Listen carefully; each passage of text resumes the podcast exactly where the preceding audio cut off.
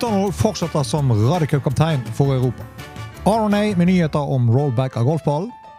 Og flere profilerte spillere er på vei i ulike retninger. Samt flere sammenslåingsøkter.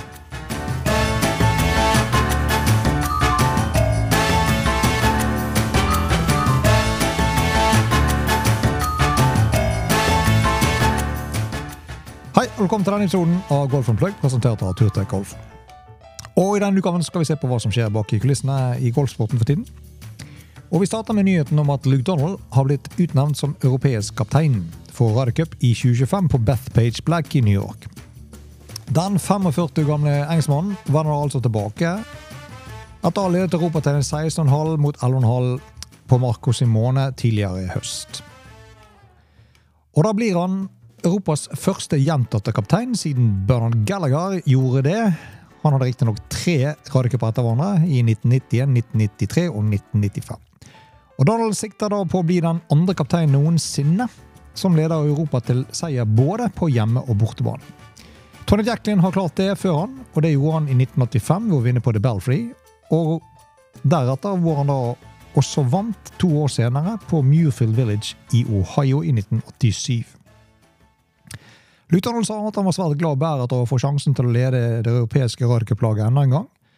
Og det er ingen tvil om det å være kaptein på bortebane er en langt tøffere oppgave enn på hjemmebane.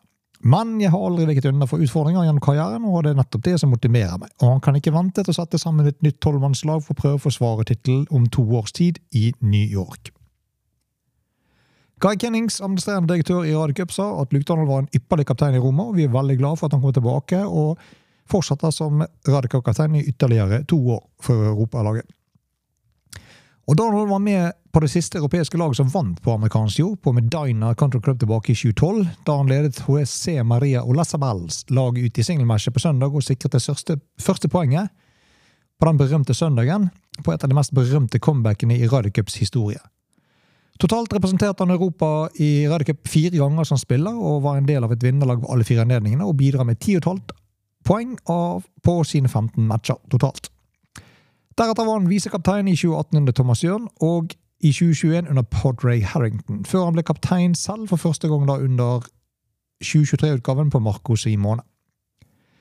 Luton har også en imponerende individuell spillekarriere, etter å ha vært nummer én i verden i totalt 56 uker, mens han da i 2011 ble den første spilleren i historien faktisk, til å toppe pengelistene på Europaturen og PGA-turen samtidig. Og det var det ikke så veldig mange som visste om. Fra Luke så går vi videre til RNA, som kommer med nyheten om rollback av golfball. RNA-sjef Martin Slumbers sier at beslutninger om tilbakeføringen av lengder vil bli avslått innen utgangen av året.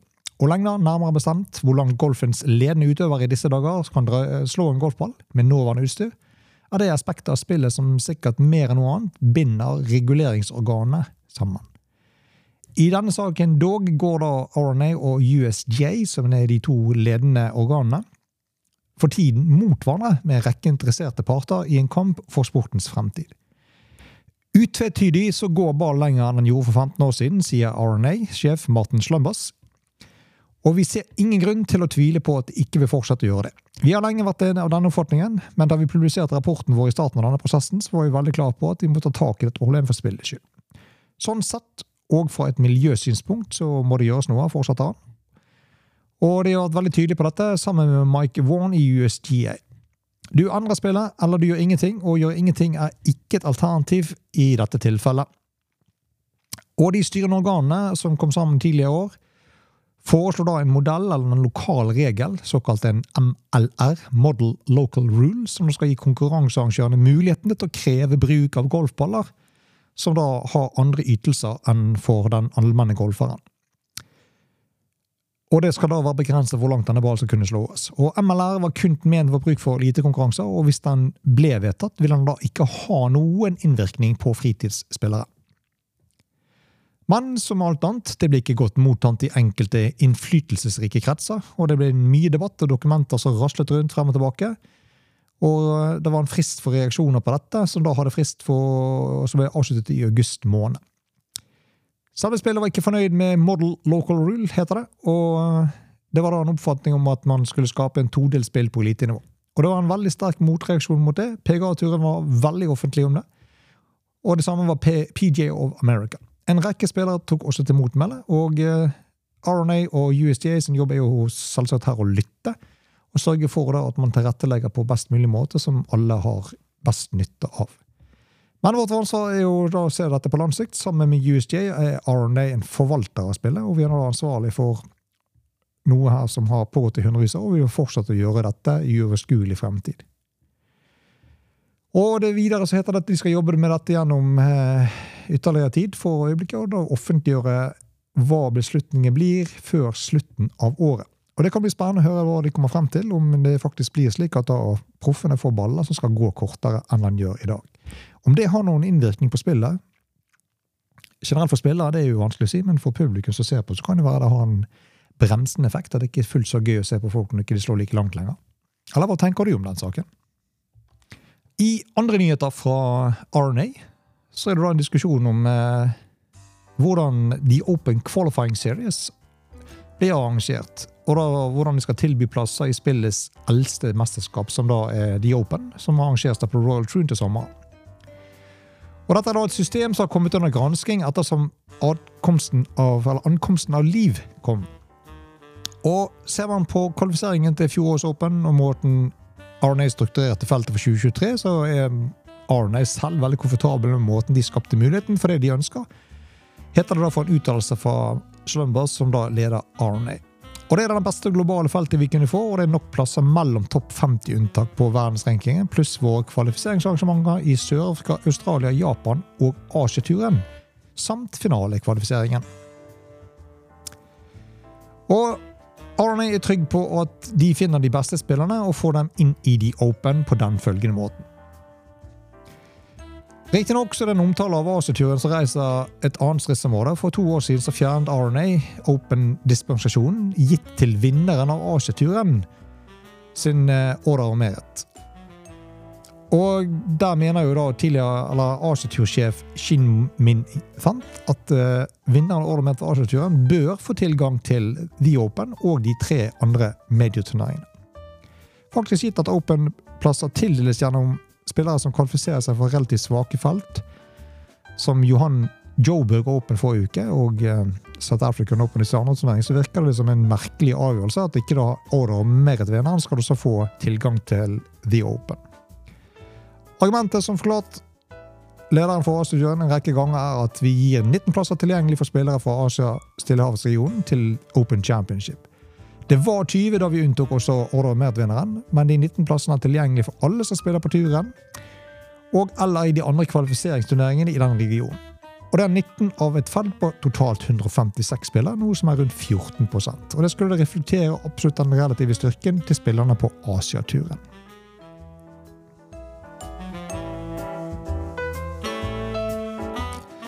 I et annet notat fra RNA, som også angår The Open, det handler om utsikten til at mesterskapet skal spilles utenfor Storbritannia, nærmere bestemt på Port Marnock, som da er like utenfor Dublin i Irland. Og Dette er heller ikke noe som Martin Slumbers avviser blankt.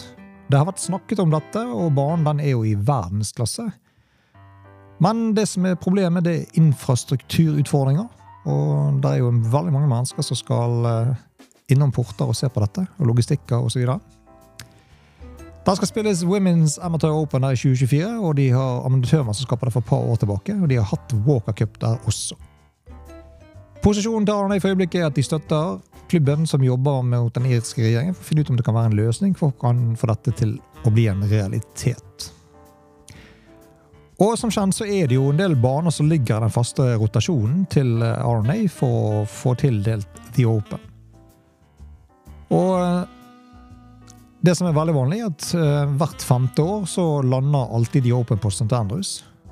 2000, 2005, 2010, 2015, 2020 osv. Riktignok kanskje det 21 grunnet til covid-anslaget.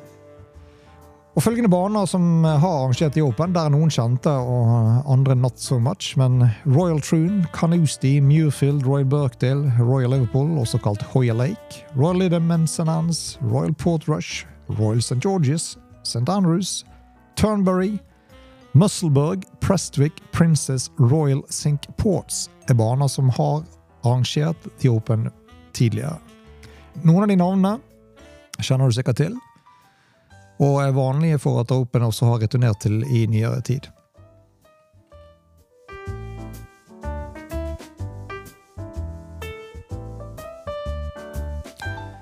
Mens andre av de navnene er kanskje ikke fullt så kjente. Så skal vi til en spiller som sliter med å få startplass i de Open. Og vi snakker om en tidligere medievinner, nemlig Jason Duffner. Og den tidligere PDA Champion-vinneren, Duffner, er blant de mest kjente navnene.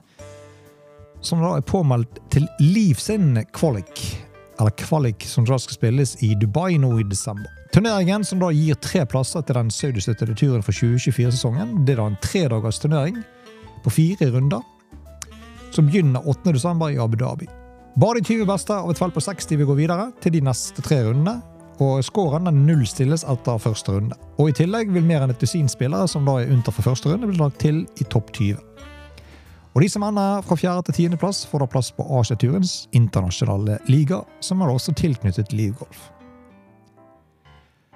Døfner, som nå er 46, er den mest mediterte spilleren i feltet, med fem karriereseiere på PGA-turen totalt, inkludert hans Wanamaker Trump i 2013 på Oak Hill. Totalt har Døfner gjort mer enn 430 PGA-turstarter i karrieren og har tjent 28 millioner dollar, med opptrener også på US Ryder Cup og Presidents Cup-lag i henholdsvis 2012 og 2013. Døfner har imidlertid ikke kommet til PGA-tur som sluttspillet de siste fem sesongene, og har ikke bokført en topp ti-plassering de siste fire sesongene. En annen spiller som også er i dette feltet, det er amerikaneren Jeff Overton og franske Victor Dubiusson. Overton, som er nå blitt 40 år gammel, er mest kjent for å ha dukket opp på Ryder til USA i 2010. Han har dog ikke spilt en hel sesong på PGA-turen siden 2016, at han ble angrepet av en livstruende infeksjon. Dubiosson, som er 33, var en gang en en av de mest lovende spillerne på Deep World Tour, som var en del av det vinnende europeiske radiocuplaget tilbake i 2014. Og som siden har slitt med å befeste sin posisjon både på PGA-turen og Deep World Tour. Andre bemerkelsesverdige navn kanskje inkluderer to ganger turvinner Kyle Stanley, Kevin Chappell, Martin Trainer, Chris Strout og tidligere NCAA-mester Braden Thornberry. Og 24-sesongen blir Livs Golfs tredje, og kommer samtidig som Livs støttespiller av den offentlige investeringsfondet i Sør-Europa fortsetter samtalen med PGA-turen om å danne en ny enhet. Og det er ingen hemmelighet at flere selskaper kjemper om å gi økonomisk støtte til turen, og stiller spørsmål ved om PIF-avtalen til slutt vil bli realisert. Skulle det dessuten skje et samarbeid mellom turen og PF, så er det da ingen garanti for at Liv fortsetter. Og Den nye enheten dannet av PGA Tur, DP World Tour og PIF vil imidlertid foreta en fullstendig objektiv evaluering av Liv og dets utsikter og potensial, og vil gjøre en god trovurdering av fordelene med laggolf generelt. Og PIF, PGA Tur og DP World Tour vil jobbe sammen i et forsøk på å finne ut hvordan man best kan integrere laggolf i PGA Tur og DP World Tour-turneringer fremover, om det overhodet da er hensiktsmessig. Rammen mellom turen og PIF krever da en ny avtale skal fullføres innen utgangen av året, selv om begge sider kan bli enige om å forlenge fristen. På det nåværende tidspunkt så tyder det på at det blir en utsettelse på den.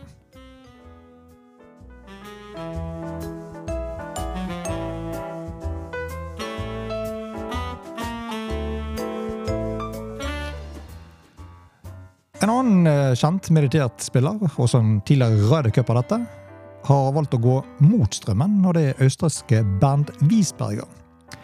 Ligaspiller returnerer da til DP World Tour for 24-sesongen etter at Mesterskapsomfladels medlemskapssøknaden hans ble akseptert. Wiesberger har vunnet DP World Tour-turneringer tidligere, hele åtte ganger. Og I en uttalelse fra DP World Tour heter det at Wiesbergers medlemskap opphørte da han ble fjernet fra Race to Dubai etter at han ikke overholdt turens regler om antall spilte turneringer for 23-sesongen. Og da Etter å ha spilt bare to tellturneringer så var Abu Dhabi HSBC Championship og Hero Dubai Desert Classic. Han uttrykte deretter sitt ønske om å spille en full Deep World-tur tidsplan i 24, og har oppfylt alle sanksjoner, både økonomiske og turneringssuspensjoner, som ble pålagt ham for brudd. Følgelig hans forespørsel om gjensettelse blitt innvilget av Deep World Tour-sjef Keith Pelly, i samsvar med prosedyren fastsatt av medlemsforskriften av turens motstridende arrangementreglement for 2022 og 2023. 38-åringen Wiesberg endte da på 41.-plass på Liv-rankingen og endte blant de ti beste i én turnering bare i forrige sesong. Han er glad for å kunngjøre at fokuset hans for neste år vil være en helt og holden på Deep World Tour. Han uttalte at han aldri har sagt opp medlemskapet, og derfor er veldig takknemlig for å få muligheten til å kunne komme tilbake og spille et fullt program igjen. Og eh, som ikke det var nok. Med alt hva handler om spillere som fyker hit og dit og sammenslåinger, så har nå også LPGA-turen og LET, altså Ladies European Tour, funnet ut. Og de skal heller ikke være noe dårligere.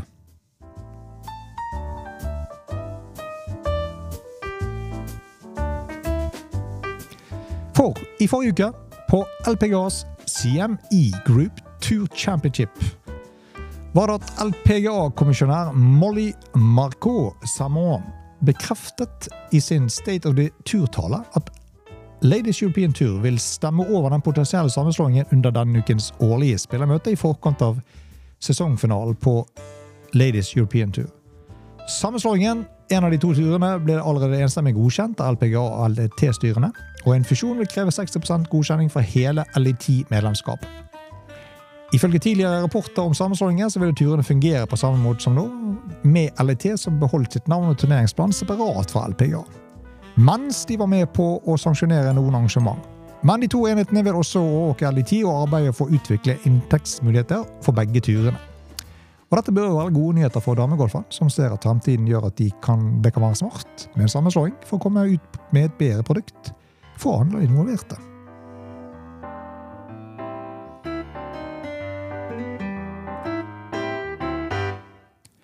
Så er det også utskiftninger hos uh, NBC.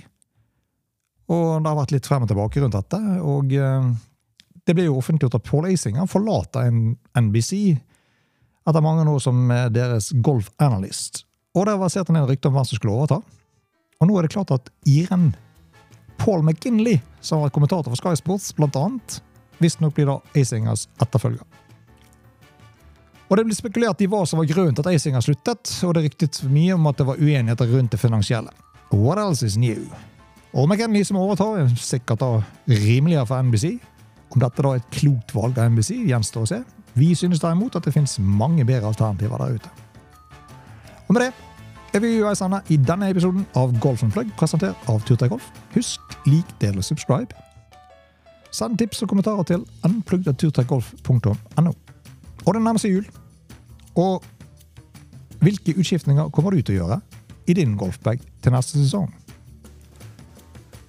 Og til du tenker på det, så høres vi igjen. På gjenhør.